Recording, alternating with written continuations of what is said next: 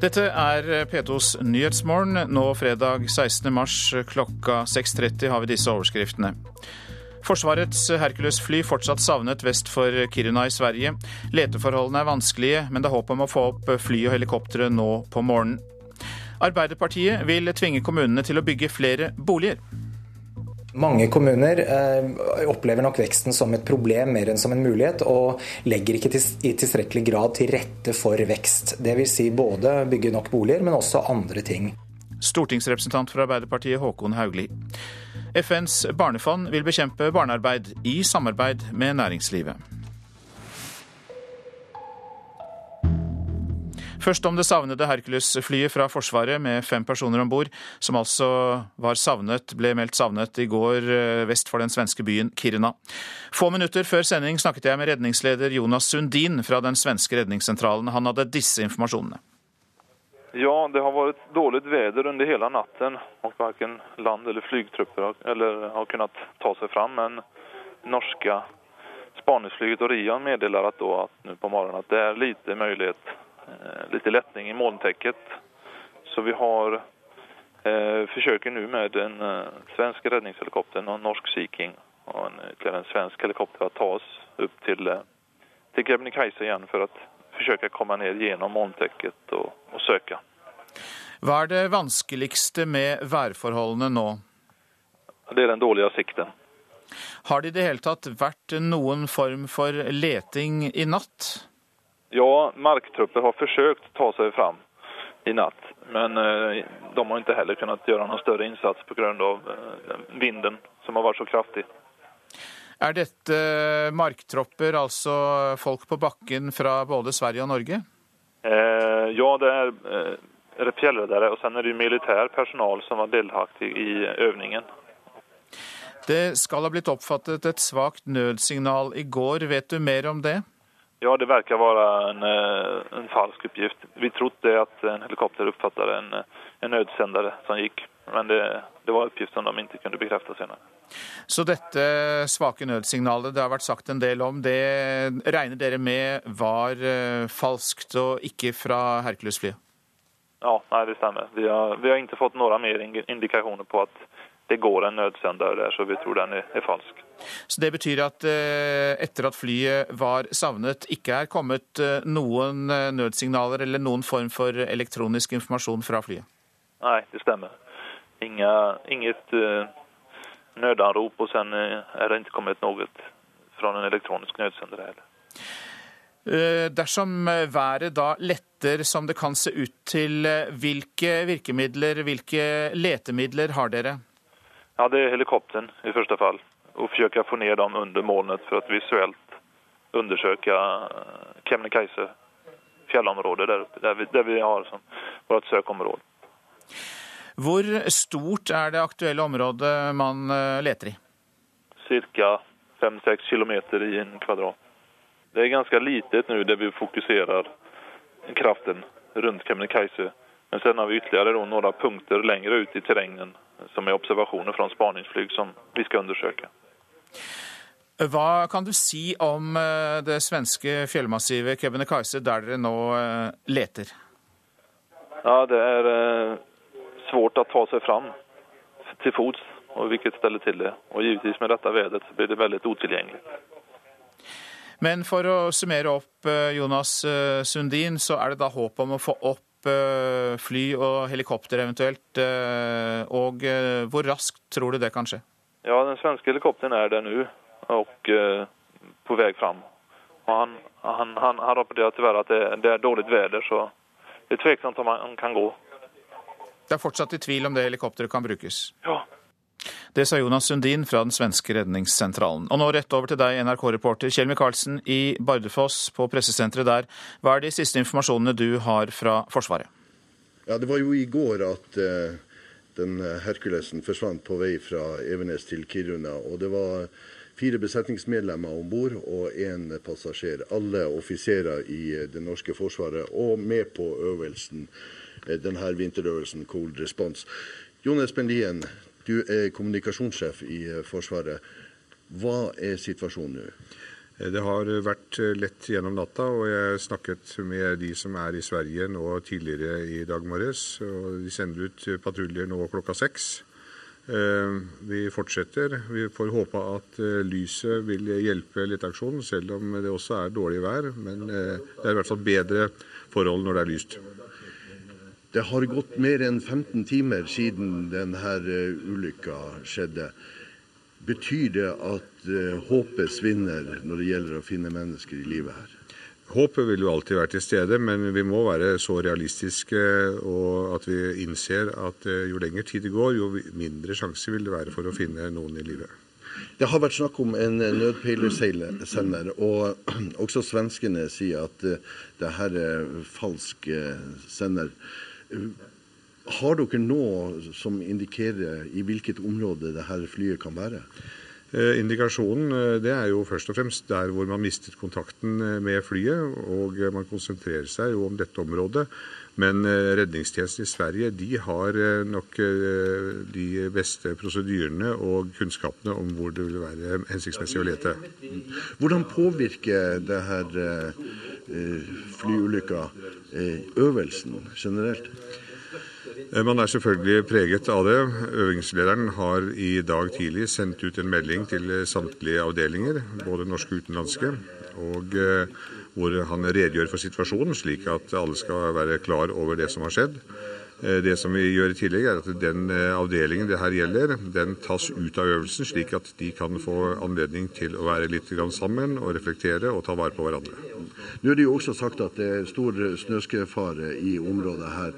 Gjør dere noen andre tiltak i forhold til soldatene som er ute i felten her? Vi har jo eh, stort fokus på dette og har hatt skredpatruljer ute i området i mange dager for å undersøke disse områdene. Eh, vi eh, har også gjennomført eh, tiltak som skal øke sikkerheten, både når det gjelder det og på veiene. Så der ivaretar vi dette. Snøskredfaren, er den, vanskeliggjør den også letearbeidet for de svenske styrkene? Det har i hvert fall blitt vurdert slik at det kan være en viss fare der også, og det må man også ta hensyn til. Da er det sånn at uh, letinga den uh, intensiveres nå utover dagen, og så får vi håpe at vi får et positivt resultat i løpet av denne dagen. Det sa NRK-reporter Kjell Micaelsen i Bardufoss, og han snakket altså med kommunikasjonssjef i Forsvaret John Espen Lien. Ja, Letingen etter Hercules-flyet har altså pågått i natt, men værforholdene ved fjellet Kebnekaise har vært vanskelige. Først og fremst har man forsøkt å bruke beltevogner og snøscootere. Hans Stenmark er innsatsleder for redningstjenesten i Nikalauka, og det er på dette stedet veien slutter på vei mot Kebnekaise-området. Og innsatslederen forteller til Sveriges Radio hva som skal skje videre. Vi flytter opp mot Kebnekaise og oppretter en, en stasjon der oppe som Tydeligvis så er de siste oppgiftene at den skal ligge oppe på Tarfarplatåen. Hva, hva er det som sier det? Ja, De siste oppgiftene vi har fått fra flygredningssentralen. Vi är ju närmare olycksplatsen om vi är där uppe än vad vi är här. Her på parkeringen utenfor restauranten i Nikkaluokta der vanligvis trøtte eller forventningsfulle vandrere bruker samlas så forbereder seg militær og redningstjeneste nå for å begynne søkandet i enda større skala nå når det börjar ljusna igjen. Åker de opp nå til fjellstasjonen, eller? Ja.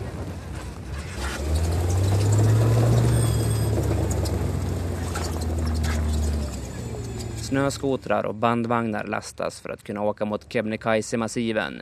Men förhållandena kring Sveriges högsta bergstoppar, en del av dem över 2000 meter, de kunde knappt vara sämre. Och Stefan Sydberg, som är militärinsatsledare, berättar att sökandet efter flygplanet som enligt uppgift ska haft fem norska militärer ombord är svårt. Ja, det är sikten. Du har fem meters sikt. Ungefär så är det svåraste. Att inte se någonting.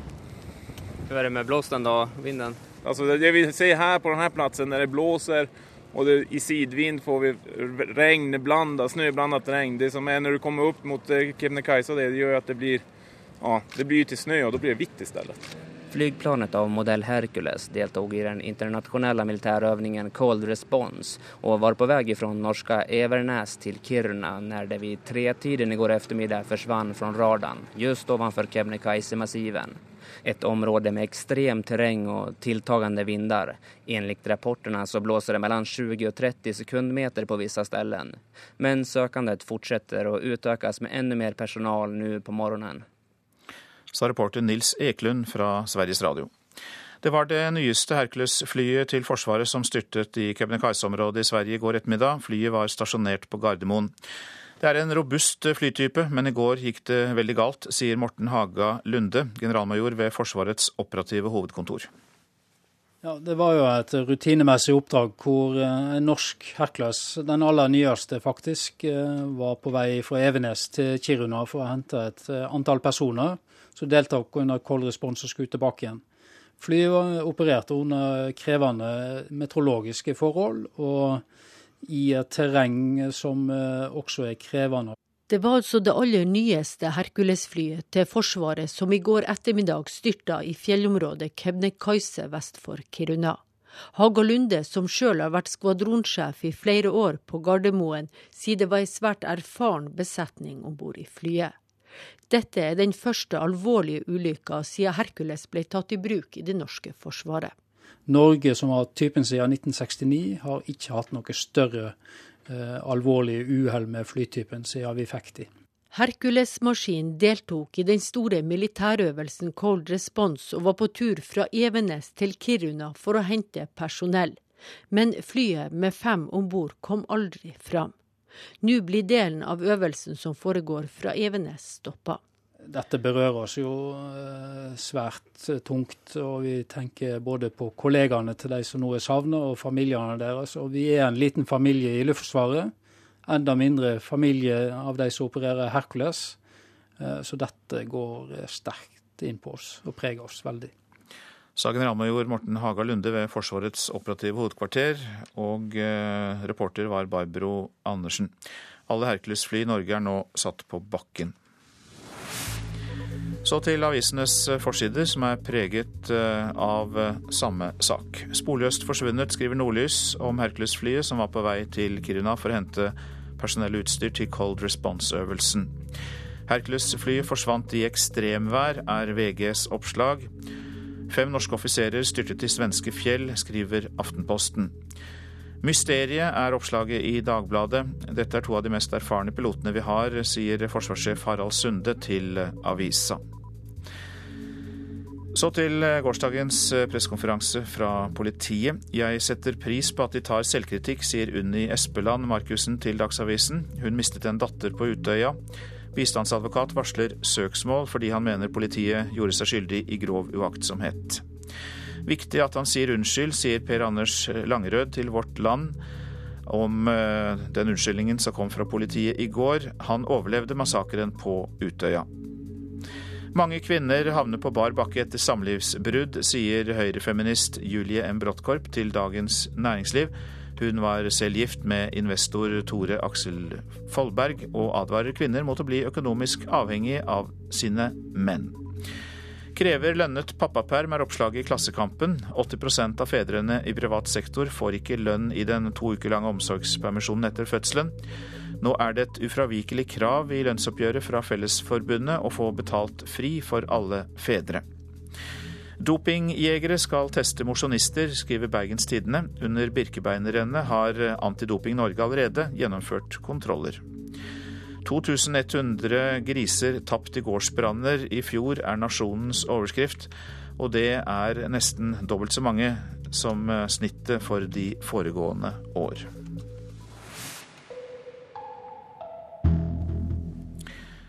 Marit Bjørgen er storfavoritt til å vinne verdenscupen sammenlagt denne helgen, men det har kostet. For fjorårets årets sesong, som endte med en aldri så liten nedtur i Tour de Ski, har vært en av Bjørgens tyngste. Sammen med Justina Kowalczyk har Rognesjenta vært suveren blant kvinnene i langrenn. Det er jo ingen sesong jeg har gått så mange skirenn som i år, og det er vel ingen som har så mange poeng som jeg og Justina eller før. Sier Marit Bjørgen foran verdenscupavslutningen i Falun. Med 300 poeng igjen å kjempe om i Sverige, leder den norske kvinnen verdenscupen sammenlagt med 160 ned til sin polske rival Justyna Kowalczyk. Men det har kostet å feste grepet om den gule trøya. Det har vært et tøft år. Det har vært eh, både psykisk og fysisk ganske tøft. For det har vært en kamp hele veien, og det har ikke vært noe løp hvor man kunne på en måte slappe av og prøve å kontrollere. Man må ha vært på hugget hele veien. Sesongens store mål var Tour de Ski, men der måtte Bjørgen gi tapt for nettopp Kowalczyk. Men slitet er allikevel i ferd med å gi gevinst. De siste ukene har Bjørgen vært uslåelig. Det er ingen tvil om hvem som vinner. Det gjør Marit Bjørgen. Og sikrer seg etter all sannsynlighet verdenscupseieren denne helga. Det har vært en tøff sesong, men jeg er utrolig fornøyd med sesongen. Og jeg, ja, jeg har jo vært på pallen nesten hele tida. Det er vel kanskje to til tre løp jeg ikke har vært det. Det sa Marit Bjørgen til reporter i Falun, Mats Håby. Du lytter til Nyhetsmorgen, og klokka den har passert kvart på sju nettopp. Dette er hovedsakene. Forsvarets Hercules-fly fortsatt savnet vest for Kiruna. Svært vanskelige værforhold med bare fem meter sikt og snøblandet regn. Håp om å komme opp med fly og helikopter for å lete nå på morgenen. Arbeiderpartiet vil tvinge kommunene til å bygge flere boliger. Og eh, FNs barnefond vil bekjempe barnearbeid i samarbeid med næringslivet. For det bygges ikke nok boliger her til lands, og nå vil Arbeiderpartiet tvinge kommunene til å bygge flere. Aps eh, stortingsrepresentant Håkon Haugli mener kommunene henger etter den raske befolkningsøkningen. På mandag så blir vi fem millioner nordmenn, og det er behov for ca. 40 000 nye boliger i Norge i året. Eh, de siste årene er det bygd mellom 20 000 og 30 000. Og det gjør at prisene har gått opp. Eh, det har gjort det vanskelig for ungdom og andre å etablere seg i boligmarkedet. Norges befolkning øker raskt, og vi trenger alle et tak over hodet. Men boligpolitikken har vært nedprioritert, mener Arbeiderpartiet. Håkon Haugli vil at staten skal stille strengere krav. Samtidig så må staten ta ansvar for at vi trenger 40 000 boliger, og det bygges for lite. Da må det stilles noen krav til norske kommuner i forhold til hvor mange boliger de må bygge. Han har ledet et Ap-utvalg som vil lage statlige retningslinjer som tvinger kommunene til økt boligbygging i tråd med folkeveksten. Mange kommuner eh, opplever nok veksten som et problem mer enn som en mulighet, og legger ikke i tilstrekkelig grad til rette for vekst. Dvs. Si både bygge nok boliger, men også andre ting. Mange nye boliger betyr også nye skoler, barnehager og bussruter. Alt må kommunene planlegge bedre, Forslaget er at flere sentrale retningslinjer skal få fart i boligbyggingen lokalt. I den planen man, må man ta utgangspunkt i befolkningsprognoser, og så må man planlegge areal og boligbygging i lys av hvordan kommunen skal vokse. Mange klagemuligheter og miljøhensyn setter ofte en stopper for byggetempoet. Derfor foreslår utvalget å myke opp. Men først og fremst så handler det om at ikke det skal være så mange som sitter med foten på bremsen, og at noen må sitte med foten på gassen, sånn at det blir bygd eh, flere boliger. Asker er så definitivt en vekstkommune. 56 000 bor her i dag. Befolkningsprognoser. Høyre-ordfører Lene Konradi ser tallet øke mot 2020. Vi er oppe i over 60 000. Det er ganske mye. Likevel står ferdigregulerte boligtomter uten grunnmur. Aske kommune holder ikke igjen som kommune, annet enn at vi gjør det der vi føler det er nødvendig av hensyn til å ta et ansvar. Eh, for bygger vi ut eh, i områder som ikke har en infrastruktur som kan tåle det, så vil det gå utover eh, innbyggerne som bor i kommunen. Hun mener staten må bygge veier, ikke overstyre hvordan kartet tegnes lokalt. For vi i 18 gjennom Asker sentrum så ser vi jo et potensial for knutepunktsutvikling i Asker sentrum med uh, opp mot 3000 boliger. Så potensialet er der, men dette henger sammen med faktisk også at staten tar sin del av ansvaret. Og i det hele tatt så har ikke jeg tro på at eh, løsningen i forhold til boligutfordringer er å pålegge å sitte og statlig detaljstyre. Reporter her Lars Nehru Sand.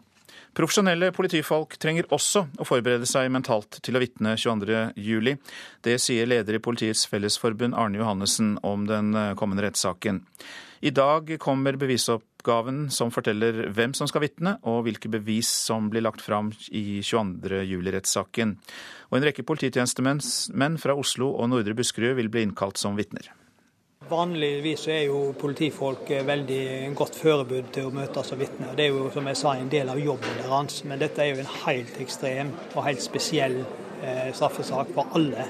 Så det er klart det dreier seg jo både mental forberedelse og selvsagt å friske opp igjen sine egne notater, dokumentasjon og eh, rapporter. Men eh, mental forberedelse er nokså viktig. Som sikkert mange hørte, det var leder i Politiets Fellesforbund Arne Johannessen. Nå skal vi snakke om uh, noe som kan være positivt for framtida. For FNs barnefond UNICEF lanserer i dag prinsipper som skal sikre at næringslivet tar hensyn til barnas rettigheter. Og det handler ikke bare om barnearbeid, generalsekretær i UNICEF Bernt Apeland. Nei, I de siste ti årene så har vi hatt uh, veldig mye fokus på næringsliv og samfunnsansvar. Nå skjerper vi fokuset og fokuserer mye mer på næringslivets ansvar for barn, frem, beskytte barn, fremme barns interesser. Og det Er klart at er vi utenfor Norge, så er det veldig fort å tenke på de 170 millioner barna som har farlig barnearbeid rundt omkring i verden. Men det er viktig å huske at disse prinsippene ikke bare skal være et verktøy for disse eh, landene, det skal også være et verktøy i Norge. Eh, og da er det særlig eh, barn i markedsføring. Både hvordan barn brukes, men også hvordan barn utsettes for markedsføring. Men også eh, næringslivets ansvar som en samfunnsaktør for å fremme barns interesser i de lokalmiljøene der de opererer. Her ser jeg for meg hele spekteret, fra det lille barnet som sitter og knoter eh, med en produksjon som kan skade barnet både psykisk og fysisk, og eh, det å beskytte barn mot eh, skadelig markedsføring her. Helt riktig. Hele det spekteret. Ja, og jo, En av de tingene vi har sett de siste årene, er jo at du, øh, næringslivet bruker barn til å markedsføre produkter. Og de finner fram til disse barna ved skjønnhetskonkurranser i gåsetegn da, på internett. Og Det er en type praksis som jeg tenker at disse prinsippene er et verktøy for å diskutere, for å løfte den problemstillingen. Er det en riktig måte å forholde seg til barn på? Den andre gjesten har vi ikke presentert, men det er Mai Olgar, direktør for samfunnsansvar i Telenor. Og dere har som eh, eneste norske bedrift vært en del av denne referansegruppen. Hvorfor har dere engasjert dere? Vi har engasjert oss fordi vi syns disse prinsippene gjør det tydelig hvordan vår virksomhet kan påvirke barn. Og som et av Norges største selskaper er vi i elleve land som er svært forskjellige når det kommer til barns utvikling. Men i alle landene så er det vi driver med, mobilkommunikasjon, viktig både for samfunnet og barn. Og et eksempel fra Norge. Eh, vi vet at mobil kan gi barn en hel ny verden av muligheter og trygghet. Men det kan også gjøre barn sårbare. Og derfor har vi reist rundt til alle landets fylker og snakket med 70 000 skoleelever og 12 000 foreldre om digital mobbing. Og 64% av norske barn har erfaring med digital mobbing, og det tar vi på alvor. Nå er det vel noen som husker de ja, pinlige bildene av Telenor da det ble avslørt at eh, dere brukte underleverandører som benyttet seg av barnearbeid. Det er et langt skritt derfra og hit. Hva har dere lært av det som skjedde? Det som skjedde i Bangladesh i 2008, var en skikkelig vekker for oss i Telenor. Og vi har lært masse. Og vi har nå bygget opp et system hvor vi ikke bare ser på vår egen virksomhet, men også på leverandørene våre. Og eh, vi har nå i underkant av 2000 inspeksjoner i året. Og følger opp, ikke bare i Bangladesh, men i alle de landene vi er i. Bernt Apeland, det er et stykke fra idealer til å utføre dette i praksis. Nå er jeg ute etter hvordan dette skal eh, bli gjort i praksis. Viktig at dette er ikke en gapestokk. Eh, dette er først og fremst et verktøy for å sette søkelys på det. Og det er vår jobb da, i Unicef sammen med Redd Barna og FN Global Compact, som har utviklet disse retningslinjene sammen med næringslivet, å sørge for å gjøre disse retningslinjene kjent, og sørge for at de blir eh, brukt i strategiene til alle bedriftene. Både internasjonalt, men også her hjemme i Norge. Er du litt skuffa over at det bare er Telenor som er med på dette, eller eh, vil du ha flere norske bedrifter med på dette? Jeg er fryktelig glad for at Telenor er med, og vi skal ha et seminar senere i dag hvor det er representanter fra 60 forskjellige bedrifter. Så jeg tror vi skal klare å få satt i gang dette på en veldig positiv og god måte allerede i dag. Mai Olgar, du, du var konkret i stad om uh, hva dere kan uh, gjøre. Men uh, når det, og når det gjelder barnearbeid, føler dere at dere er, har rydda unna det problemet? Det er viktig å si at vi kan jo aldri garantere at det ikke vil komme fram tilfeller av barnearbeid. Det ville være helt urealistisk å si når vi er i land som Bangladesh, hvor barnearbeid er så utbredt. Men eh, vi kan love at vi jobber systematisk med å redusere risikoen. Eh, og så er det også viktig å huske at eh, det vi gjør, og våre produkter og tjenester, kan bidra til en positiv utvikling for barn. F.eks. i Bangladesh så vet vi at det er få leger, men mange mobiler. Og vi kan bruke mobiltelefonen til å spre viktig helseinformasjon til barn og deres foreldre. Og vi kan faktisk redusere barselstødigheten med 30% ved hjelp av enkle helseinformasjon på SMS. Og vi har som mål å nå 500 000 gravide kvinner og nybakte mødre i løpet av tre år med helseinformasjon på SMS. En lang liste med gode ting der fra Mai Oldgard, direktør for samfunnsansvar i Telenor. Og eh, Bernt Apeland, takk til deg også, generalsekretær i FNs barnefond, UNICEF, for at dere kom til Nyhetsmorgen.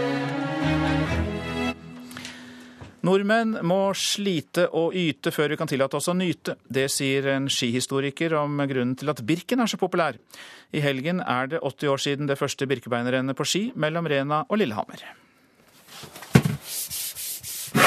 Sverre Rimberg pusser et av sine flere par ski.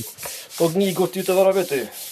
70-åringen fra Bergen bosatt i Elverum er en av 22 000 påmeldte til årets ulike Birkebeinerrenn. Du går på ski og kjenner at rytmen er der, da har du flyten. Herlig følelse. Behøver ikke noen annen rus enn den. Vi respekterer de som sliter. Og det å slite, først yte, så nyte, det er noe som ligger i nordmannen, for det har kosta så mye krefter å klore seg fast i gråsteinsjorda Norge.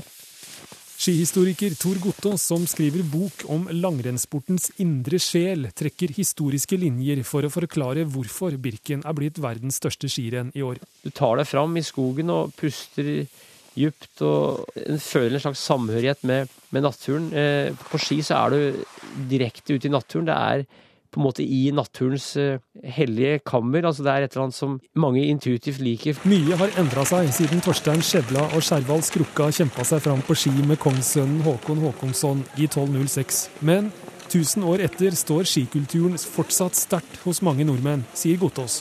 Enten du hater det eller liker det, så har du et forhold til langrenn. og det å kunne gå Birken en gang, eller prøve seg på det, er noe som gir en slags status, tror jeg. Og så er det mange som syns det er artig og moro å gå langrenn.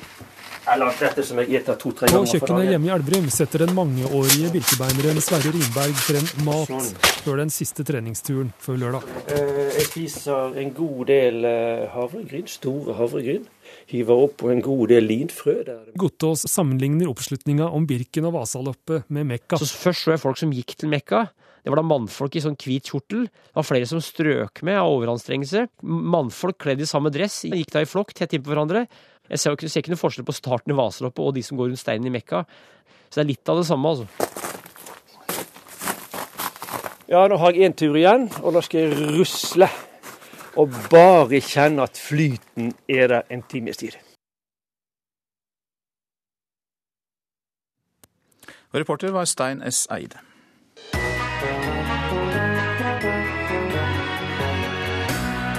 Halvparten av Oslos befolkning og en fjerdedel av Norges innbyggere vil være innvandrere i år 2040. Hvordan regner man seg fram til slike tall, og hva betyr dette for Norge? Send dine spørsmål om innvandring til radioselskapet krøllalfa.nrk.no, så svarer Statistisk sentralbyrå etter Dagsnytt klokka 11.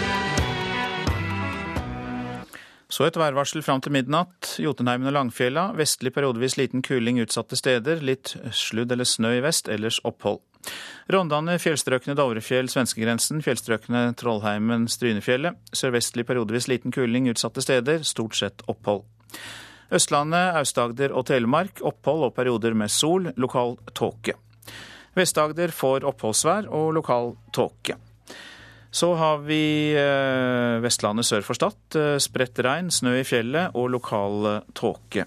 Møre og Romsdal sørvest sterk kuling, fra i ettermiddag frisk bris. Litt regn på Nordmøre og snø i fjellet. Trøndelag sørvest opp i liten storm. Fra i ettermiddag vestlig liten kuling. Regn, snø i fjellet. Lite nedbør i indre og sørlige strøk av Trøndelag. Nordland sørvestlig sterk kuling, periodevis liten storm i nord og regnbyger. Lokalt mye nedbør. Fra i formiddag vestlig stiv kuling i Nordland. Troms sørvestlig sterk kuling, periodevis liten storm i Troms, som dreier vestlig. Og eh, det blir eh, lokalt mye nedbør i vest. Kyst- og fjordstrøkene i Vest-Finnmark sørvestlig sterk kuling. I ettermiddag vestlig liten storm på kysten, litt sludd og regn. Finnmarksvidda sørvestlig, seinere vestlig stiv kuling. Litt snø eller sludd, seinere enkelte snøbyger. Øst-Finnmark sørvestlig sterk kuling, periodevis liten storm. Litt snø eller sludd. Nordensjøland på Spitsbergen. Østlig sterk kuling utsatte steder, litt snø. Mest snø i eh, østlige områder.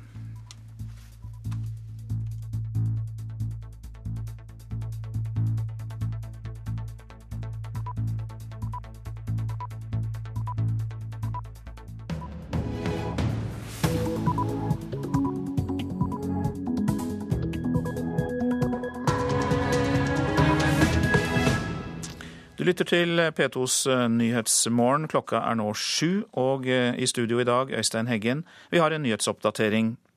Forsvarets Hercules-fly fortsatt savnet vest for Kiruna. Svært vanskelige værforhold gjør letearbeidet problematisk, og det er ikke kommet nødsignaler fra flyet. Ja, det virker være en, eh, en falsk oppgift. Vi trodde at en helikopter oppfattet en, en nødsender som gikk, men det, det var oppgifter de ikke kunne bekrefte senere. Redningsleder Jonas Sundin i den svenske hovedredningssentralen. Profesjonelle politifolk trenger også å forberede seg mentalt til å vitne 22. juli i 22. juli-rettssaken. Det sier leder i Politiets Fellesforbund, Arne Johannessen.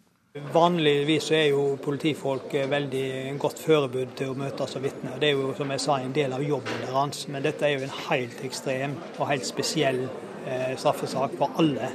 Så det er klart det dreier seg jo både mental forberedelse og selvsagt å friske opp igjen sine egne notater, dokumentasjon og eh, rapporter. Eh, lønnsoppgjøret står for døren. Fellesforbundet vil stå hardt på for mer til eh, lavtlønte i oppgjøret, det skal vi høre mer om. Og Arbeiderpartiet vil tvinge kommunene til å bygge flere boliger. I den planen man, må man ta utgangspunkt i befolkningsprognoser, og så må man planlegge areal og boligbygging i lys av hvordan kommunen skal vokse. Det handler om å stille et krav om at kommunene planlegger. Stortingsrepresentant for Arbeiderpartiet Håkon Haugli.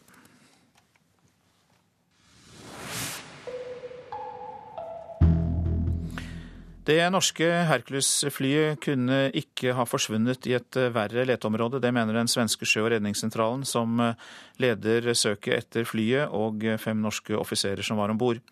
Letingen har pågått i natt med beltevogner og snøscootere, men nå klokka sju så håper man også å få to helikoptre ut i letingen, sier redningsleder Jonas Sundin.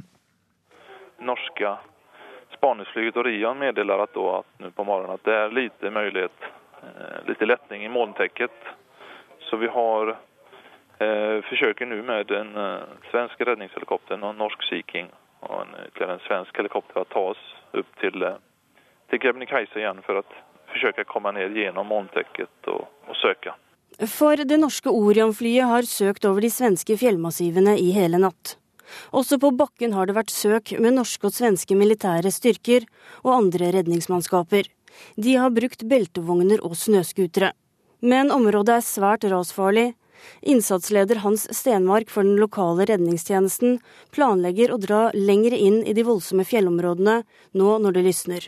Vi flytter opp mot Kebnekaise og oppretter en, en stasjon der oppe som Tydligen så er de siste oppgiftene at den skal ligge oppe på Tarfarelplatåen. Vi er jo nærmere ulykkesplassen om vi er der oppe enn hva vi er her. Problemet er været, sier den militære innsatslederen Stefan Sydberg. Ja, det er sikten. Du har fem meters sikt. Ungefär så er det svåraste. du ikke ser noe. Altså, det vi ser her på denne plassen, platsen när det blåser og det, i sidvind får vi regn, blandat, snöblandat regn. Det som er når du kommer opp mot eh, Kebnekaise det, det gör att det blir ja, det blir til snø, og da blir det hvitt i stedet. Reporter Tonje Grimstad. Det blir altså gjort nye forsøk på å sette inn helikoptre i søket etter det savnede norske Hercules-flyet. Flyet som altså hadde fem norske offiserer om bord og forsvant på vei fra Evenes til Kiruna i går ettermiddag. Reporter Jon Inge Johansen, du er i Kiruna, og hva skjer der du er nå?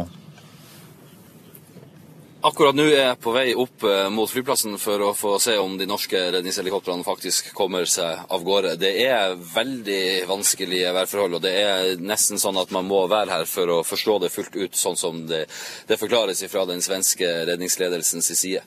Eh, dette området rundt Kebnekaise er alpint, eh, og er et av de to mest vanskelige områdene i Sverige. Hvis det i det hele tatt skulle skje noe ulykke, så er det ingen plasser det kunne være vanskeligere å lete etter noen enn akkurat her. Eh, tidligere i dag, så, bare for noen få minutter siden, så snakka jeg med eh, han som er det svenske forsvarets eh, innsatssjef for, i forbindelse med den øvelsen som flyet var en del av, eh, Nato-øvelsen Cold Response. Og han har jo mange mann under seg og store ressurser tilgjengelig dersom de får indikasjoner på hvor de skal eh, lete. Men uh, dette er hva Mikael Nordmark sa til meg tidligere i dag.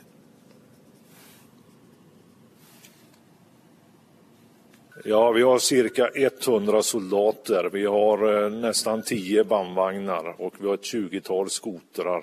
Och sen har vi då kompetent personal som kan hitta i det här högalpina området, extrema området och eh, kan då søke. Det er et ganske vanskelig område å søke. Kan du si noe om de værrapportene dere har fått fra, fra stedet nå?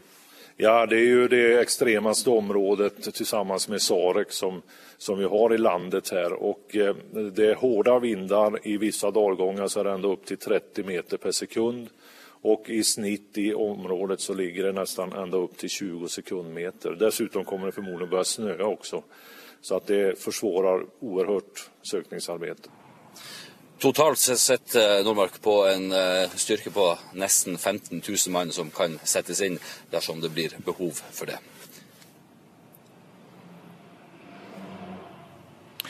Det ble meldt om at eh, det var nødsignaler fra leteområdet i går, men det er vel blitt eh, grundig avkreftet?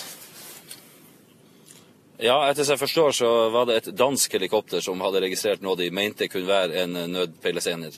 Men uh, denne er blitt avkrefta. De kunne ikke uh, verifisere disse signalene at de kom fra en nødpeilesener, og de klarte heller ikke å identifisere hvilken type nødpeilesener et sånt signal skulle ha kommet ifra heller. Og denne flytypen, eh, denne Herkulesen som eh, er bare tre år gammel, altså det norske forsvaret har jo bytta ut mange av de eldste Herkulesene fordi at de har fått så høy alder. Eh, og har helt nye fly, altså tre år gamle fly. Eh, de har nødpeilesendere som kan sende signaler i dagevis hvis uhellet skulle være ute. Og eh, det er ei stor gåte hvorfor denne nødpeilesenderen ikke har begynt å sende noen signaler i, i dette tilfellet her. Du beskrev jo tydelig de vanskelige værforholdene, Jon Inge Johannessen. Hvordan ser det ut til at man ligger an i forhold til opptrapping av letningen? Ja, det er, det er, det med været i dette alpine området gjør at det skifter stadig. Inne i Kiruna sentrum eh, ved flyplassen her så er det akkurat nå sol og relativt klar himmel. Men med en gang det blåser litt opp, så vil den eh, øverste lette sneen som har falt i natt, den vil begynne å fyke. Og da mister man sikten momentant. Eh, oppe i Kebnekaise-platået så er det flere dalsøkk som går innover og som driver vindene på en helt annen måte. Pluss at høyden der inne gjør at vinden er mye kraftigere. Og eh, det gjør at de har eh, ja, på det laveste har jeg hørt de har rapportert om bare fem meters sikt. Og da er det nesten sånn at man må tråkke på en del av et fly for å i det hele tatt se at det er der. Mange takk skal du ha, Jon Inge Johannessen, for den oppdateringen som du ga oss fra Kiruna. Forsvarsminister Espen Barth Eide, dette er eh, ikke lett for eh, det norske forsvaret? Nei, selvfølgelig. Dette er en uh, svært alvorlig hendelse midt under en stor øvelse. vi har altså fem av våre offiserer som er savnet.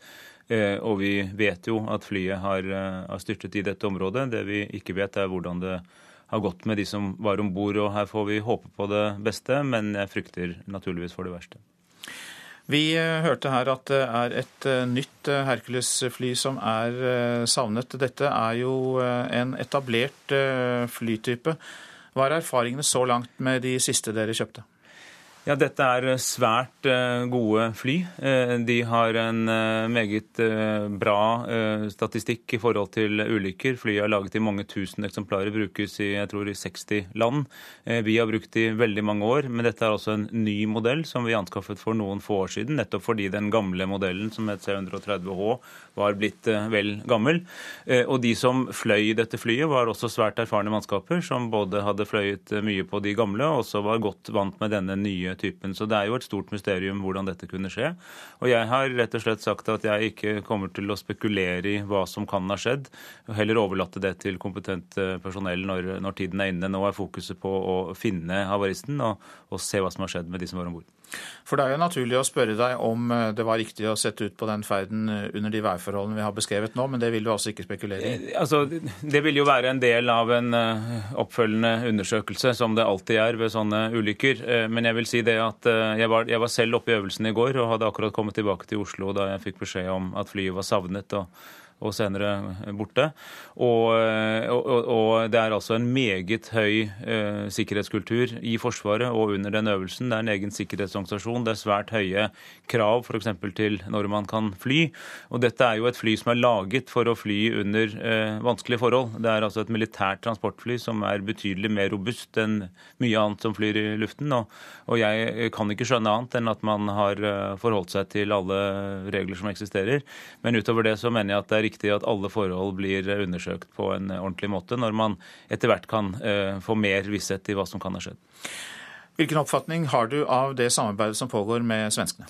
Ja, Det er veldig godt. Jeg har vært i kontakt i går kveld flere ganger med Sten Tolkfors, min eh, svenske forsvarsministerkollega, forsvarssjefen med, med, ØB, altså med sin kollega i Sverige. Og, og, det er eh, også et tett samarbeid mellom sivile redningsmyndigheter. Så det er et, et godt samarbeid. Det har pågått uh, søk i hele uh, natt. Det tar seg selvsagt opp nå som det lysner.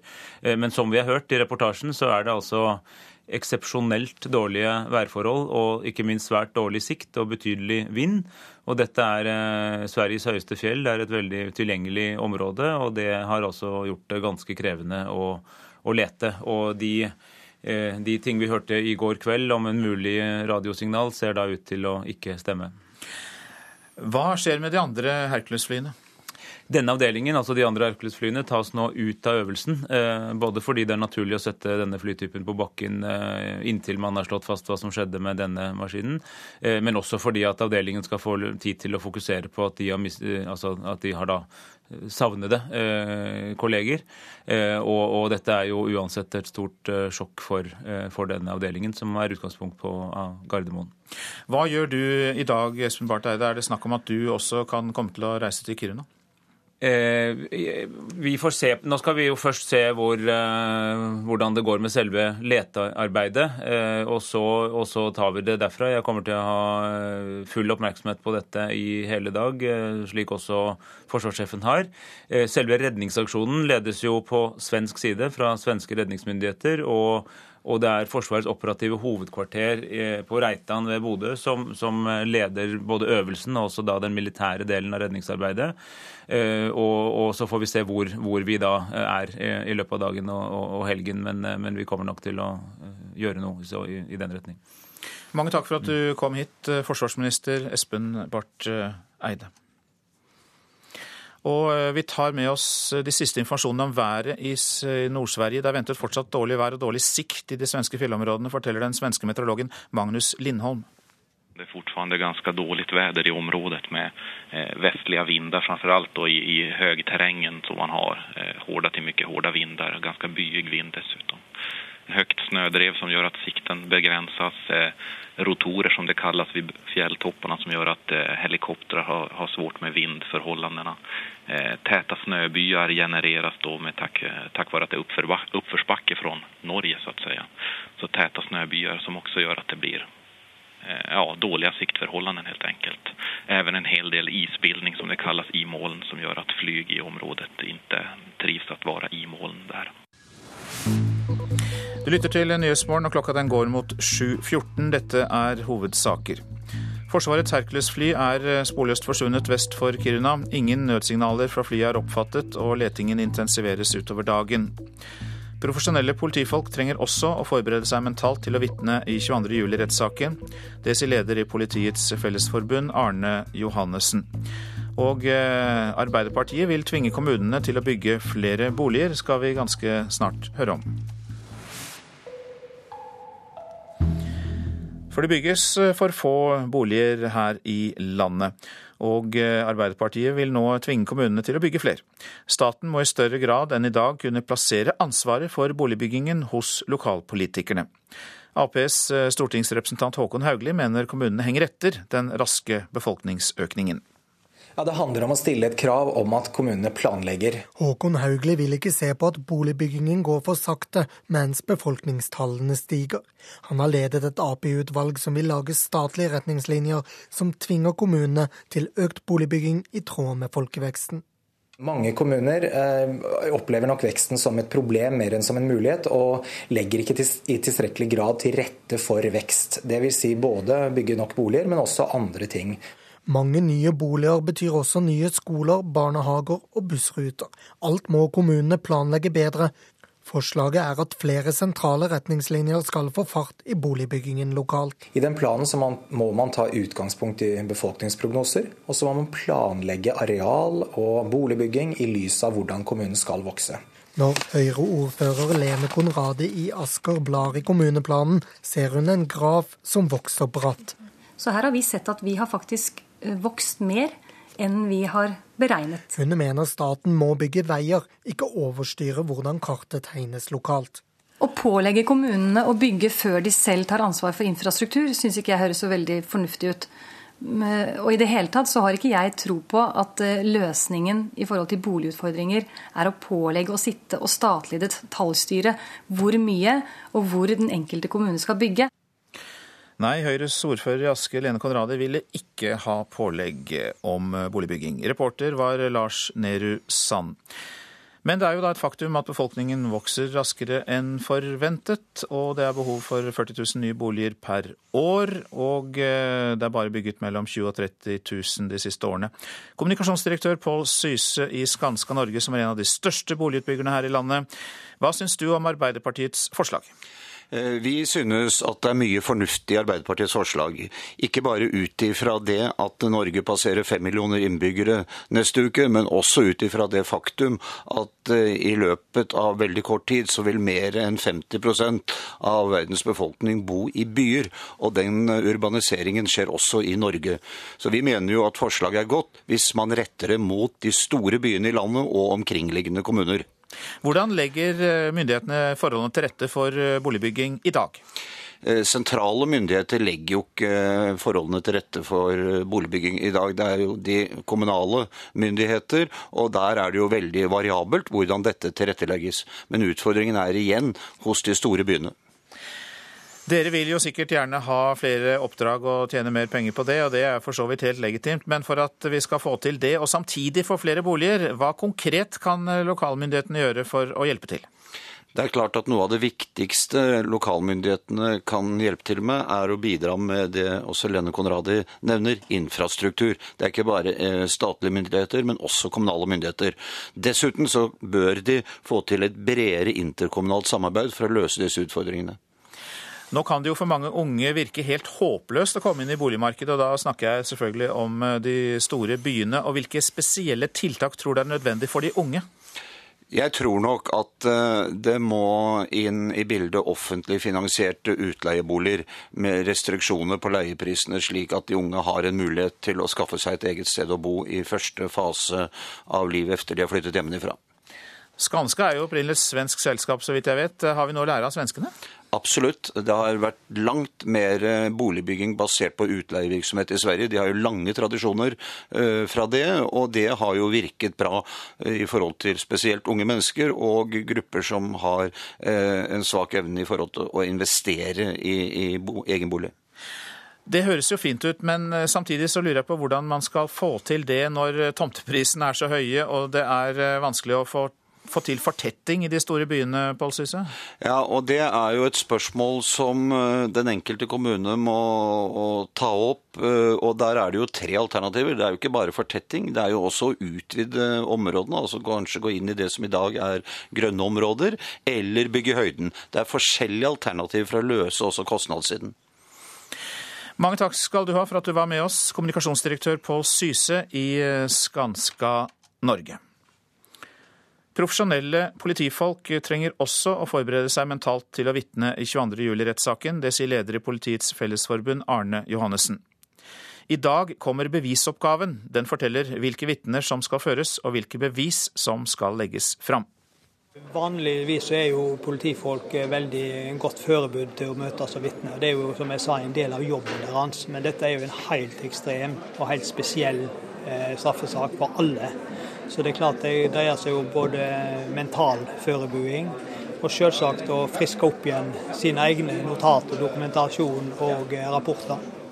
Lederen i Politiets Fellesforbund ser for seg at det vil bli en stor gruppe politimenn og -kvinner som skal vitne i 22. juli-rettssaken. Også politimester i Oslo, Arnstein Gjengedal, er innstilt på at hans mannskaper må stille. Så det blir nok sikkert ganske mange tjenestemenn som de forklarer hva de har gjort og funnet ut under etterforskningssaken. Også spesielt krimteknikere er jo sentralt i bildet, både på Utøya og på regjeringskvartalet. Vi har vært involvert i aksjonen ut mot Utøya, og vi har vært i aksjonen ute på Utøya og deltatt i pågripelsen. Sissel Hammer er politimester i Nordre Buskerud og sjefen til to av dem som var med på å pågripe Anders Behring Breivik. I dag kommer bevisoppgaven, som kan fortelle oss litt mer om hvordan selve rettssaken vil bli seende ut. Vi vet allerede at de 42 overlevende som er nevnt ved navn i tiltalen, mest sannsynlig vil bli innkalt som vitner. Harald Føsker fra regjeringskvartalet er en av dem som har forberedt seg på muligheten for å kunne måtte vitne. Jeg har prøvd å tenke den tanken siden øh, dette skjedde. Og har funnet ut at uh, det vil jeg gjerne gjøre.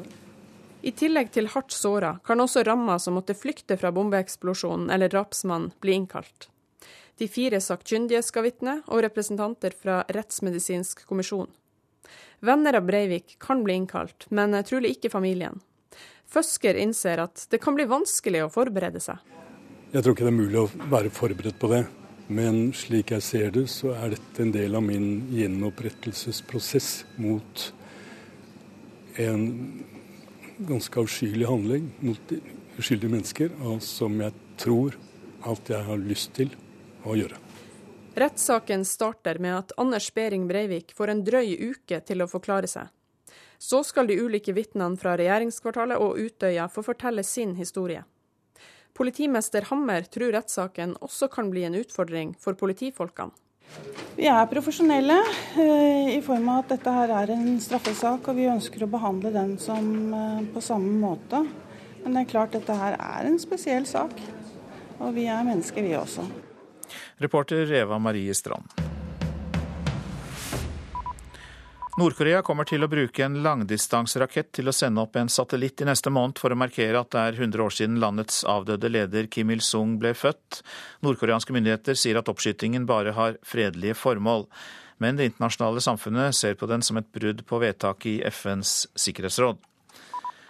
Den amerikanske soldaten som skjøt og drepte 16 sivile afghanere, slet med helseproblemer etter å ha vært såret to ganger i Irak. Ifølge hans advokat mente han selv at han ikke var skikket til tjenesten i Afghanistan. Soldaten skal ha lidd av stress og drukket i strid med regelverket, sier en amerikansk tjenestemann til avisa The New York Times. Våpenhvilen som tidligere denne uka ble inngått mellom Israel og den væpnede palestinske gruppa Islamsk hellig krig, slår nå sprekker. Israelske kamphelikoptre skjøt i går kveld mot den nordlige delen av Gazastripen. Det skjedde etter at palestinerne skjøt fem raketter mot Israel. Så har vi akkurat fått inn en melding om at varmesøkende kamera skal ha gjort et funn i Sverige, altså i Kebnekaise-området, der det norske Hercules-flyet er savnet. Og det kan være det savnede flyet. Vi får inn mer informasjon om eh, dette funnet og mer om letingen i Dagsnytt 7.30. Eh, Harde forhandlinger om prinsipper og lite penger, det er stikkord for årets lønnsoppgjør i privat sektor. Arbeidsgiverne i norsk industri møter arbeidstakerne i Fellesforbundet i dag. Og leder Arve Bakke i Fellesforbundet krever mer i lommeboka til lavtlønte, som eh, f.eks. hotell- og restaurantansatte. Ja, Kravet er at de som tjener minst skal tjene enda mer, få det vi kaller økt kjøpekraft, og at alle andre av oss som tjener rimelig bra, at vi skal eh, ha like mye å handle for eh, neste år som vi har i dag. Det ligger milliarder av kroner i potten i årets lønnsoppgjør. Men spørsmålet er om arbeidsgiverne i Norsk Industri og NHO ser seg råd til å gi mer til dem med minst fra før. Er det penger i år til å heve deler eh, av industrien som ligger etter, f.eks. hotell og restaurant? Det blir jo et spørsmål i de forhandlingene som skal skje mellom eh, restaurant- og hotellarbeidere og de som jobber i serveringsbransjen. Sier NHOs direktør for arbeidsliv Svein Oppegård. Da blir det en vurdering. Hva er det bransjen mener er en riktig kostnadsutvikling, og hva mener enkeltbedrifter at de er villige til å betale. Det kommer til å bli et spennende spørsmål, og vi får se hva forhandlingene viser. Jeg vil ikke spå noe om det nå. Hele høsten i fjor gikk politikere, arbeidstakere og arbeidsgivere ut med oppfordringer om moderat lønnsoppgjør for å redde Industri-Norge i en vanskelig tid. Ja, Dette er jo et moderat oppgjør i kroner og øre. Men nå er det vår, og Fellesforbundet har flere krav til industri- og servicenæringene, som arbeidsgiverne ikke ønsker. Det er et viktig prinsipp at er du arbeidstaker, så skal du jobbe for noen. og Det skal være arbeidsgiveren din, og det er arbeidsgiveren din som skal betale deg lønn, og du skal ha en arbeidskontrakt med den arbeidsgiveren. Og ikke slik som de dessverre har det, da, alle disse som er innleide til ulike arbeidsgivere via noe bemanningsbyrå. De er altså ansatt i et bemanningsbyrå, men jobber ikke for bemanningsbyrået. De jobber for en bedrift hvor de ikke har noen avtale med om det gjelder lønns- og arbeidsvilkår. Det kan høres litt vanskelig ut å ordne det, men vi skal klare å ordne det. Etter frontfaget i industrien forhandler resten av bedriftene, kommunene og staten. De kommer med flere krav og høyere krav. Så NHO-direktør Svein Oppegård utelukker ikke streiker i år. Et lønnsoppgjør som er forbundsvis, dvs. Si det skal forhandles flere hundre tariffavtaler, vil alltid representere fare for konflikt. Og jeg ser ikke bort fra at vi får konflikt innenfor noen områder, enten i privat sektor eller i offentlig sektor, også i år. Det er på en måte lønnsoppgjørets vesen. Lønnsoppgjørets vesen og eh, reporter var Hedvig Bjørgum. Og vi har fått besøk av deg, Kristine Nergård. Du forsker på lønn og lønnssystemer i eh, Fafo, og eh, mange har sagt at det ikke blir mange kroner å fordele i år. Hva tror du? Jeg tror nok det stemmer, i hvert fall ikke i den første omgangen, som er da et oppgjør hvor man i tillegg har lokale forhandlinger. Det blir nok ganske moderate tillegg på sentralt nivå. Men så kommer da fagforeningene og ber om eh, andre ting. og ja, Hva skal man forhandle om da? Hva, hva er det som er mulig å få til? Altså, det er jo, Fellesforbundet hadde mange krav, eller kommer til å overlevere mange krav når de møter arbeidsgiverne i dag, bl.a. på dette med innleie, som vi hørte i innlegget. Og de ønsker eh, betalt eh, pappaperm de første 14 dagene. Det er krav som går på arbeidstid for de som jobber lange skift, og det er en del krav som går på arbeidstakere i Nordsjøen. Så det er mye å forhandle om. Det høres ikke gratis ut det der heller. Så vidt jeg vet så er det vel 80 av eh, de private bedriftene som ikke har lønnet omsorgsperm. Bare det vil jo koste en del. Det kommer nok til å koste noe. Nå er det jo ikke alle disse Fellesforbundet sine medlemmer som skal ut i pappaperm, da. Nei, men er, nei, det er riktig. alle, alle, i Fellesforbundet drar ikke samtidig på pappaperm, får vi håpe, selv om det har vært hyggelig. Men eh, la oss eh, se på lønnsoppgjøret også i forhold til dette, som, dette begrepet med frontfagene. For det er jo et begrep eh, mange ikke helt eh, skjønner. Hva er det så viktig med disse frontfagene? Hvilke faggrupper er det som går foran? Altså Nå er det fire tariffavtaler som skal forhandles verkstedoverenskomsten, som er liksom den store avtalen for uh, industrien, og Teko, som da er et lite område, men et lavtlønnsområde, og to andre overenskomster. Og Da blir man enige om et generelt tillegg, vanligvis, som da vil bli fulgt av de andre avtalene som kommer etter hvert. Og man blir enige om et lavtlønnstillegg, som f.eks. da gjøres gjeldende for hotell- og restaurantarbeidere, som vi hørte om. Slik at uh, når man er ferdig med dette frontfaget, da har man på en måte lagt uh, retninga for i hvert fall resten av privat sektor. Men er det slik at uh, privat sektor da pent og føyelig slutter rekkene etter at frontfagene er ferdig? Og, og, og godtar omtrent det samme nivået? Nei, Det kommer nok til å komme litt sånn spesielle krav både i hotell- og restaurantbransjen, i transportbransjen osv.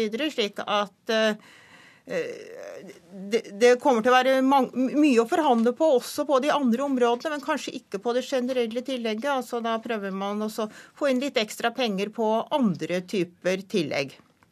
Mange takk for at du kom i eh, studio, Kristine Nergård, som altså er forsker i eh, Fafo.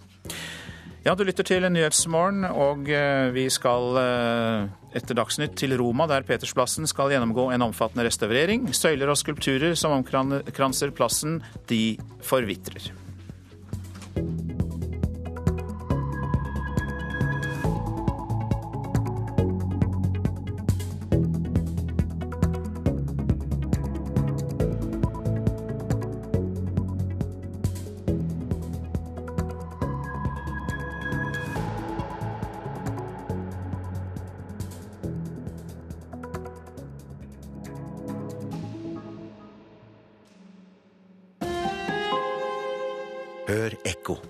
Jenta på 14 år kaller foreldrene sine for fangevoktere. Selv føler de seg ofte som spioner overfor sin egen datter. Sånn kan det bli i en familie når barnet har alvorlige spiseforstyrrelser. Ekko 9 11 i NRK P2.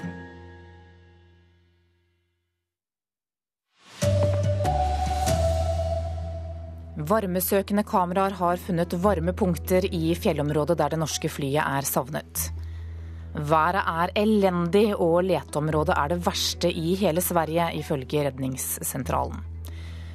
Og Arbeiderpartiet vil overstyre kommunene for å få fart i boligbyggingen. Her er NRK Dagsnytt klokka 7.30. Ja, Letingen etter det savnede norske militærflyet pågår nå både fra lufta og fra bakken. Flyet med fem norske offiserer om bord forsvant på vei fra Evenes til Kiruna i går ettermiddag. Og reporter Kjell Micaelsen, du er i Bardufoss, der ledelsen for militærøvelsen som det savnede flyet var en del av, er samlet. Og hva er siste nytt? Jeg befinner meg på pressesenteret på Bardufoss. og her skjer det en liten utvikling. Det har vært letestyrker ute i hele natt og prøvd å finne det flyet, men så langt har man ikke funnet noe konkret. Men eh, Vegard Justad, du er en av lederne her på senteret. Nå ser det ut som man eh, har noen spor her. Ja, et Orion-fly har vært på søk i løpet av natta. Og litt over fem dag, klokka fem i dag morges så meldte de at de hadde oppdaga en såkalt varmesignatur som kan være det savnede flyet eller deler av det. Og dette ble da funnet i området sør av fjellet Kebnekaise. Kan det være mennesker og ikke en flykropp det her er snakk om? Det er veldig vanskelig å si noe om. Uh, uansett så uh, skal vi nå gjøre alt vi kan for å sjekke ut uh, dette her. Og militære leitemannskap på bakken ble umiddelbart varsla og, er på vei mot en posisjon. I tillegg så er det tre helikoptre som i morgentimene gjorde seg klar for å reise ut, og nå er de i lufta. Det er gått mer enn 15 timer siden det her skjedde. Svinner håpet om å finne noen overlevende nå? Altså Tid er en viktig faktor i, i sånne her aksjoner. Eh, og håpet svinner jo selvfølgelig for hvert eh, øyeblikk som går. Det blir leta med store styrker resten av dagen for å finne det flyet. Takk til deg, reporter Kjell Micaelsen i Bardufoss. Og med oss i studio nå er du forsvarsminister Espen Barth Eide. Aller først til disse siste opplysningene om disse varme punktene. Hva vet du om det? Ja, dette er jo en av de måtene man nå kan lete på under disse veldig vanskelige forholdene. Se om man ser varmesignaturer. Om dette er noe gjennombrudd i letingen, det, det, får vi se. Mannskaper er altså på vei til de punktene som det norske Orion-flyet identifiserte. Men det var også noen slike signaler i går som viste å ikke, ikke stemme. Så, så vi, får, vi, får, se hvordan dette utvikler seg. Det er jo, som vi har hørt i reportasjen, ekstremt vanskelige værforhold. Det er dårlig sikt, mye vind og snø, og det er altså et veldig vanskelig tilgjengelig område. Samtidig er det en stor og profesjonell leteaksjon på gang, ledet på svensk side med omfattende støtte fra vår side. Så havaristen vil jo bli funnet. Mitt hovedfokus nå er hvordan det har gått med de fem som var om bord i flyet, som foreløpig har status som savnet. Ja, Hva gjør dere nå for å følge opp de som er berørt? Ja, Helt siden eh, kort etter at dette skjedde, så satte man i gang den store og profesjonelle eh, organisasjonen som Forsvaret har på dette. Administrativ foresatt avdeling, og det har blitt opprettet et pårørendesenter på Gardermoen. og det er en, eh, de, de, pårørende til de som altså er savnet, har vært varslet, og de er under løpende oppfølging fra Forsvarets side. Helt kort til slutt, Hvordan er det å være forsvarsminister i dag?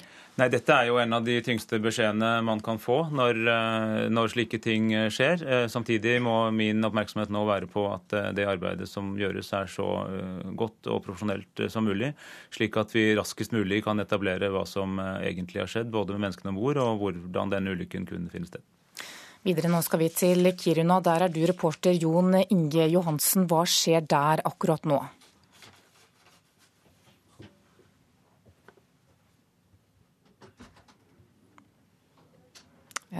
Ja, Vi skal tilbake til Jon Inge Johansen som eh, er i Kiruna. Aller først så skal det handle om eh, noe helt annet, nemlig at Arbeiderpartiet vil tvinge kommunene til å bygge flere boliger.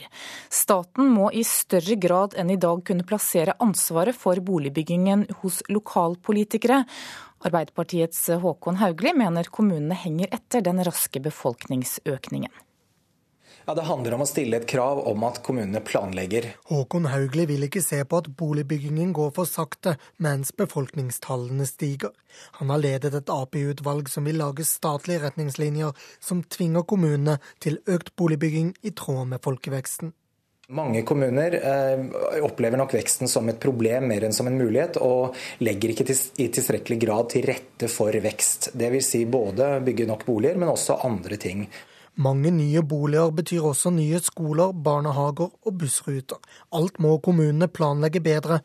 Forslaget er at flere sentrale retningslinjer skal få fart i boligbyggingen lokalt. I den planen man, må man ta utgangspunkt i befolkningsprognoser, og så må man planlegge areal og boligbygging i lys av hvordan kommunen skal vokse. Når Høyre-ordfører Lene Konradi i Asker blar i kommuneplanen, ser hun en graf som vokser bratt. Så her har vi sett at vi har faktisk vokst mer enn vi har beregnet. Hun mener staten må bygge veier, ikke overstyre hvordan kartet tegnes lokalt. Å pålegge kommunene å bygge før de selv tar ansvar for infrastruktur, syns ikke jeg høres så veldig fornuftig ut. Og i det hele tatt så har ikke jeg tro på at eh, løsningen i forhold til boligutfordringer er å pålegge å sitte og statlig detaljstyre hvor mye og hvor den enkelte kommune skal bygge. Reporter her, det var eh, Lars Nehru Sand. Fellesforbundet vil stå hardt på for at hotell- og restaurantansatte og andre lavtlønte får ekstra lønnstillegg i år. Arbeidsgiverne i norsk industri møter arbeidstakerne i Fellesforbundet i dag. Og leder Arve Bakke har med seg krav om ekstra tillegg for lavtlønte i hotell- og restaurantbransjen. Ja, Kravet er at de som tjener minst skal tjene enda mer, få det vi kaller økt kjøpekraft, og at alle andre av oss som tjener rimelig bra, at vi skal eh, ha like mye å handle for eh, neste år som vi har i dag. Hele høsten i fjor gikk politikere, arbeidstakere og arbeidsgivere ut med oppfordringer om moderat lønnsoppgjør for å redde Industri-Norge i en vanskelig tid. Men nå er det vår, og Fellesforbundet har flere krav til industri- og servicenæringene som arbeidsgiverne ikke ønsker. Vi vil ha et bedre regulert arbeidsliv. Nå skal vi ordne robuste avtaler som kan eh, være med på å regulere det gode norske arbeidslivet i mange tiår framover. Det sa Arve Bakke i Fellesforbundet. Reporter det var Hedvig Bjørgum. Våpenhvilen mellom Israel og islamsk hellig krig har allerede begynt å slå sprekker. Avtalen ble inngått tidligere denne uka, men allerede i går kveld så skjøt israelske kamphelikoptre mot den nordlige delen av Gazastripen, ifølge en palestinsk tjenestemann. Angrepet skjedde etter at palestinere skjøt i alt fem raketter mot Israel. Flere av de belgiske barna som overlevde bussulykken i Sveits, er nå kommet hjem til Belgia. Barna kommer fra Melsbruk lufthavn utenfor Brussel i går kveld, melder det belgiske nyhetsbyrået Belga. I alt 28 personer mistet livet i bussulykken, deriblant 22 barn. Og ofrene var for det meste belgiske skolebarn som hadde vært på skileir. Vi skal tilbake til eh, det norske militærflyet som er savnet, og nå til Kiruna. Der er du reporter Jon Inge Johansen. Hva skjer der akkurat nå? Jeg står ute på flyplassen eh, Kiruna lufthavn, og der er det bare ett norsk redningshelikopter som står igjen på bakken.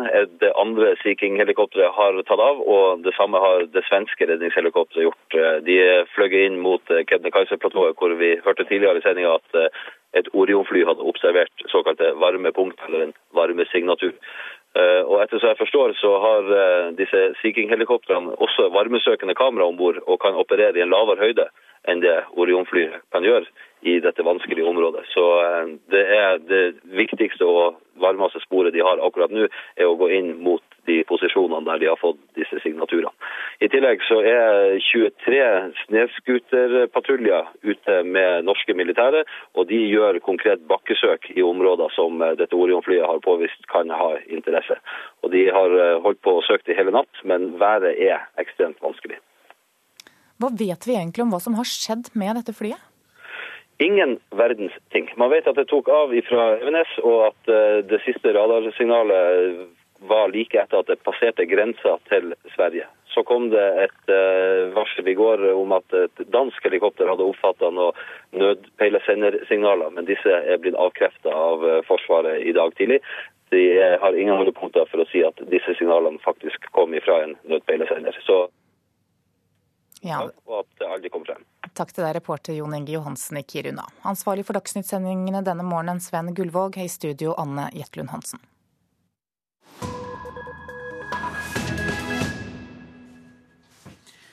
Skal du til Roma i nær framtid og ønsker å besøke Vatikanstaten, kan du få følelsen av å være på en byggeplass.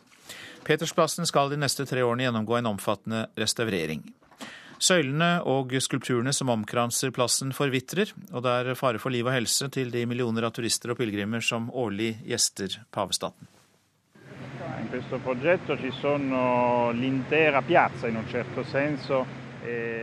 hver dag kommer det pilegrimer og turister i tusentall hit, noen for å oppfylle et grunnleggende religiøst behov, andre bare for å rusle i ro rundt og glede seg over kunst og utsmykking. Og tanken på at deler av de eldgamle skulpturene skulle falle ned og råke noen av disse, har ei tid vært skremmende for de som har ansvaret for all stein som kranser Petersplassen.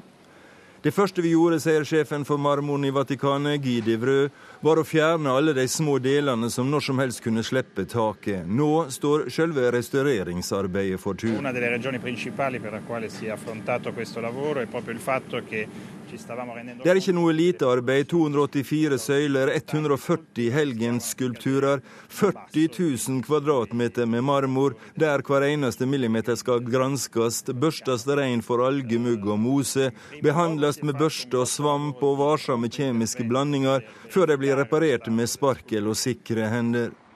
Høyt over plassen og rett overfor pavens soveromsvindu står Alessio Tanjani og fjerner skitt og løse stukkobiter fra statuen av den hellige Konstanza. Vi fjerner bare det vi må, sier han. Eh, eh, det er et nitid arbeid Tanjani og de andre 40 konservatorene utfører, der de prøver å beholde den originale steinen i så stor grad som mulig. Kollegaen Agnese Tignali sier at alt som skal restaureres nå blir grafisk dokumentert, fotografert og tegnet ut, slik at de i detalj vet hva som skal gjøres på hver eneste søyle og statue. Cantiere E Petersplassen er hovedverket til mesterarkitekten og skulptøren Gian Lorenzo Bernini, og fikk sin form midt på 1600-tallet, med den karakteristiske søylerekka som på symbolsk vis skulle omfavne hele den universelle kyrkja, og åpne seg så stort at alt folket skulle kunne se paven når han ga sine velsigninger, nesten samme hvor mange som var samla. Oppdraget fikk Bernini av pave Alexander den 7., delvis også for å sysselsette folk. Roma hadde nettopp vært gjennom en dødelig epidemi, og byen var i økonomisk krise, så paven kunne tilby hundre, om ikke tusentalls, trengende arbeid med å bygge Petersplassen. Og en svak parallell ligger det i at restaureringa gir både fagfolk og et hundretalls andre arbeidere velkommen sysselsetting i et økonomisk kriseramma Italia i dag. De legger alle stolthet i arbeidet, forsikrer Døvre. Etter hvert vil prosjektet også ta for seg resten av området med to fontener og det kanskje mest kjente landemerket, den 3000 år gamle egyptiske obelisken som står midt ute på plassen, og som i sin tid ble hentet over havet av keiser Kaligula, og som vi bare kan imponeres over at det var mulig å flytte på den gangen. Mellom 100 og 150 millioner kroner er restaurering av Petersplassen venta å koste. Til å hjelpe seg har Vatikanet fått solide sponsorer fra italienske energi- og teleselskap, som har lova at de skal være varsomme når den tid kommer og de kan sette ut sponsorplakatene sine. Sa reporter Gunnar Myklebust. Du lytter til Nyhetsmorgen, vi har disse hovedsakene. Det savnede Hercules-flyet kan være funnet med varmesøkende kamera. Helikopteret er på vei til området som er eh, i 1600 meters høyde vest for Kiruna. Fellesforbundet vil stå hardt på for mer til lavtlønte i lønnsoppgjøret. Og profesjonelle politifolk trenger også forberede seg mentalt til å vitne i 22.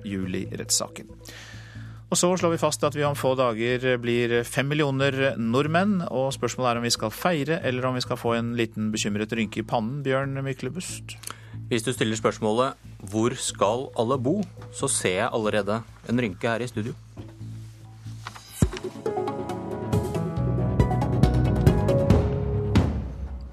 Og den er din, Håkon Haugli. Velkommen. Takk. Du har jobbet med å lage ny boligpolitikk for Arbeiderpartiet. For noe må gjøres?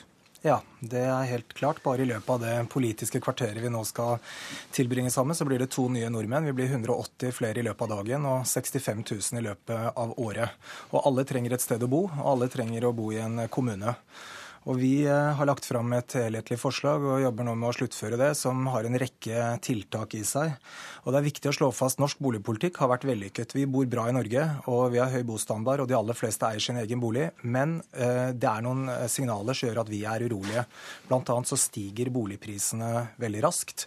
Og vi ser at særlig i de store byene og rundt de store byene så eh, har folk vanskeligheter med å finne seg et sted å bo. Du mener man nå må stille strengere krav til kommunene. Hva er det dere vil? Ja, Det er et av våre forslag. handler om å bringe diskusjonene om hvor folk skal bo, hvor de skal jobbe og hvordan de skal komme seg fram og tilbake inn i kommunestyrene. Eh, dette handler ikke om å overstyre kommunene, men det handler om at de må ta de store, viktige diskusjonene om hvordan de skal utvikle sin kommune. Og Det vi, vi gjør, og det vi foreslår, er et såkalt, eh, altså en lovpålagt boligplan i hver kommune, hvor man forholder seg til befolkningsprognoser og planlegger kommunen ut fra det. Hvor i Norge er det man ikke gjør det i dag? Det er mange steder i Norge man ikke gjør det, men det er veldig store variasjoner i norske kommuner. og Det er viktig å huske på at boligutfordringene i Norge de varierer veldig med kommune. Noen kommuner opplever at de blir færre, andre opplever at de blir veldig mange flere. Men jevnt over på landsbasis så er det sånn at vi blir flere enn det noen hadde eh, forutsett. Men da må det vel ligge i dette at det kan ende med at du mener at staten må tvinge visse kommuner til å bygge, da? Nei, det ligger ikke i vårt forslag i det hele tatt. Vi, eh, ordet tvang hører ikke hjemme her. Det vi er opptatt av, er å si og gi et klart signal til alle kommuner om at de må planlegge for vekst. Det gjør vel alle, gjør de ikke det? da? Nei, jeg tror dessverre ikke alle gjør det. Og jeg har ikke lyst til å navne i noen kommuner, men jeg har møtt mange ordførere som eh, ikke har boligbygging høyest på sin eh, politiske dagsorden. I Stavanger sitter du, Jon Petter Hernes, du er gruppeleder for Høyre. og Får du en bekymret rynke i pannen når du hører Arbeiderpartiet? Eh, litt bekymra, men primært eh, så syns jeg det er veldig bra at Arbeiderpartiet og sentralt eh, er opptatt av dette temaet. Jeg tror at velgerne våre først og fremst er opptatt av at vi kan snakke sammen og finne løsninger, og ikke konsentrere oss om å krangle om det vi måtte være uenige om. Jeg tror at nøkkelen til å få gjort noe med boligbyggingen i Norge, og i pressområder som jeg sitter her i Stavanger eller i Oslo, det én se på byråkrati og regler som eh, forsinker og fordyrer boligene. Eh, der har staten hovedansvaret. Eh, det å se på infrastruktur og sørge for at vi får bygd ut infrastruktur så folk kan komme seg fram og tilbake til der de skal jobbe og bo, og at den kommer før boligene. Og det siste som vi må snakke om, det er selvfølgelig penger og finansiering. Både når det gjelder kommunenes økonomi, og når det gjelder finansiering for de som skal bo. Eh, og Der syns jeg det er viktig å se på et eh, se dette litt i et generasjonsperspektiv. Jeg syns at skatteregler og finansieringsordninger har blitt sånn at det er urettferdig for de som skal etablere seg i dag, i forhold til min generasjon, og ikke minst i forhold til, til de unge som skal etablere seg sin besteforeldregenerasjon. Men her hører jeg at du peker på staten og hva staten må gjøre. Og Hauglie, du peker på kommunen og hva kommunen må gjøre. Og dette er vel ganske symptomatisk, er det ikke det? Jo, det kan godt hende det, men jeg tror vi er enige om at det må et godt samspill eh, til med både staten og kommunen. Og jeg hører hva Hernes sier, og jeg er helt enig i det. Jeg mener at kommunene må møte en stat som er eh, fleksibel og forutsigbar, og det er helt åpenbart at vi har et forbedringspotensial der. Eh, jeg ser også det som en stor utfordring at vi har et regelverk som gjør at mange kommuner opplever at planleggingsprosessene skjer i rykk og napp, og at staten kommer inn på ulike tidspunkter for å ivareta ulike interesser. Og Dette ligger også i vårt forslag, at vi må ha en gjennomgang av hele regelverket for å se på hvordan vi kan gjøre det enklere for kommunene å, å bygge. Men det, dette er vel også opp til private utbyggere som, som, må tjene penger på før de har lyst til å begynne å bygge. Og så sier du man skal bygge mer i, i forkant av befolkningsutviklingen. og Da må vel staten inn og bygge, da? I alle fall, Det finnes noen statlige verktøy som vi, eh, vi også ønsker å styrke. Bl.a. mener vi at det er riktig at Husbanken eh, kan eh, stille, altså både ha tilskudd og låneordninger både til kommunene og til privatpersoner, og slik at det kan bygges og gis mulighet for folk å få et sted å bo som ellers ikke ville hatt mulighet til det. Men staten skal ikke bygge, og det er heller ikke en, det vi ser for oss at kommunene bygger storstilt. Kommunene bygger boliger i dag, og det kan absolutt bygges flere flere av dem. Men det vi primært er ute etter, er at disse private utbyggerne og ikke minst boligbyggelagene får mulighet til å bygge flere boliger ved at tilstrekkelig tomteareal reguleres. Eh, hvordan er det i Stavanger, Hernes? Er det, er det kommunen som, eh, som, eh, styrer takten på boligbyggingen, er det, eller er det private utbyggere som sitter og venter til det blir lønnsomt? Det er nok en kombinasjon. Så er det ikke tvil om at at de private de tror jeg bygger gjerne. Eh, så er, jo, så er det et problem tror jeg, overalt. Det er pressområder og mangel på boliger er jo at, at, at, det er mangel på fagfolk til å bygge. Eh, jeg liker lyden som Hauglie bruker om at en skal forenkle regelverket, at vi, vi, i større grad skal møte en stat som en medspiller. Som jeg sa innledningsvis, så syns jeg ikke vi skal ha et svarteperspill Eh, om eh, hvem som har størst feil for noe. Det hørtes litt sånn ut når jeg hørte på deres innledningsforedrag her. Nei, jeg syns eh, Altså, Hauglie har rett. I dag så opplever kommunene at vi møter en stat ved fylkesmannen som er en brems på å få boligbygging gjennomført, og ikke en, en hjelp. Og der syns jeg han har gode toner i forhold til å si at vi må se på å Eh, og, og, ha et, og, og, ha et, statlig ansvar for å være en pådriver for å få boligbygging eh, i gang og få fart på den. Eh, det ansvaret tror jeg vi, eller vet jeg at vi lokalt virkelig føler. Det er vi som, som møter innbyggerne, og vi har blitt enige om her, ikke bare i vår kommune, men vi sier dette er et interkommunalt og et regionalt problem. Eh, folk bor på kryss og tvers av kommunegrenser, sånn at det er et veldig godt nå samarbeid eh, i hele vår region om å få fart på boligbygging. Det er på topp Eh, hos oss i forhold til hva vi ser på som de store utfordringene, sammen med infrastruktur som gjør at folk kan komme fram og tilbake uten å stå for mye i kø. Hauglie, tror du, tror du kommunesammenslåinger ville hjulpet på den planleggingen som du etterlyser? Så Arbeiderpartiet er opptatt av at eh, Kommune-Norge skal være organisert på en hensiktsmessig måte. og det, Jeg ser ikke bort fra at det kan være løsning, men det må jo kommunene finne ut av. Eh, ikke ut av, tvang her heller? Selv. Nei, vi er ikke så veldig glad i det ordet tvang, og jeg vet ikke om det er veien til å gå. Men jeg syns det Hernes sier er veldig interessant. Jeg har lyst til også å si at Stavanger er jo faktisk den byen i Norge som har bygd et, et tilstrekkelig antall boliger over lengre tid, og er sånn sett et sted som en rekke andre kommuner kan se til for å finne inspirasjon. For oss har det vært veldig viktig at det finnes bare ett svar hvis vi skal få ned ned prisene og sikre at folk får et sted å bo, og det er at det bygges mer. Håkon Haugli, Hernes, takk for at dere var med.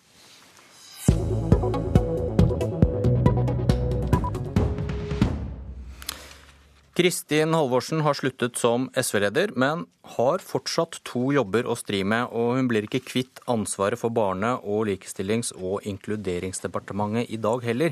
For Magnus Takvam, kommentator i eh, NRK, Audun Lysbakken er ikke klar med sin statsrådskabal?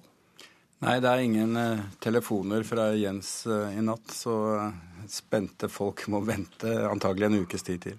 Hva slags vurderinger er det Lysbakken sitter med nå? Ja, For det første er grunnen til at dette har tatt litt tid, at han jo som ny partileder med posisjon utenfor regjeringen må gjøre en del grep. Han har for det første forhandlet om budsjettet og ledet SVs delegasjon i den sammenheng nå eh, denne uka. Ellers så, så, tror jeg at eh, de aktuelle postene som er eh, til diskusjon, er to eller tre. Og de tre aktuelle nye statsrådene er jo de samme som har gått igjen i mediene. Heikki Holmås, Bård Vegar Solhjell og Inga Marte Torkelsen, der den siste kvinnelige nok er aller, det aller mest sikre kortet som, som ny statsråd. Eh, han kan velge å eh, ta Erik Solheim helt ut av eh, regjering og dermed bruke alle disse tre. Eller han kan eh, la Solheim beholde Utviklingsdepartementet og få en ny miljøvernminister og en ny barne- og likestillingsminister. Så eh, det er noe av, av bildet. Kvinneuniversitetet og tidligere SV-leder Berit Aas fikk støtte av SV-statsråd Tora Aasland, og VG har i dag en ny sak på dette, der private brev mellom de to har dukket opp. Og kommentator i Dagens Næringsliv, Kjetil Alstheim, tror du Lysbakken vurderer å kaste Tora Aasland ut av regjeringen pga. pengerot? Det tror jeg han håper å slippe. Hvis eh, to SV-statsråder etter hverandre skulle gå ut av regjering pga. Eh, uryddig ledelse av eh, departementer, så vil det jo være forferdelig for SV. Men sånn, det er jo en stor mulighet for at Tora Aasland går ut fordi Lysbakken vil ha plass til Eh, en ny generasjon med statsråder. Det, men det vil ikke Tora Aasland ha gjort? Nei, det vil hun ikke. Men eh, det vil i hvert fall være en, eh, en bedre begrunnelse for Lysbakken for å skifte henne ut enn rot med saksbehandling og penger. Mitt inntrykk er at det har vært klart relativt lenge at det går mot én statsråd i Kunnskapsdepartementet. Jeg tror heller det har vært uttalelser som har blitt tolket litt, litt sånn konfliktaktig eh, i, i denne runden. Din avis Kjetil Alstheim, har en meningsmåling i dag. Hver tredje SV-velger fra sist stortingsvalg vet ikke hva de skal stemme. Og hva, hva er det en fortelling om? Det viser jo at uh, de har mistet uh, troen på SV. Men at de ikke har gått til noe nytt parti, gir jo en mulighet for at SV kan klare å mobilisere dem og få dem tilbake igjen. Du skriver også at Lysbakkens beste valgkampslagord kan bli 'Ja til Jens'. Hvordan forklarer du det? Det er litt ut fra hvordan han selv eh, resonnerer. Eh, både hvordan han resonnerte på, eh, på, landsmøtet i talen sin og i, i, et intervju hos oss i dag, der han viser til at hvis SV gjør et så dårlig valg som meningsmålingene nå tyder på, så blir det ikke noe rød-grønt flertall. Sånn at hvis velgerne vil ha fortsatt rød-grønn regjering og vil fortsatt ha Jens Stoltenberg som statsminister, så vil Lysbakken si at da må dere styrke SV. Så han kan, eh, han kan eh, lokke med Jens og skremme med Jensen.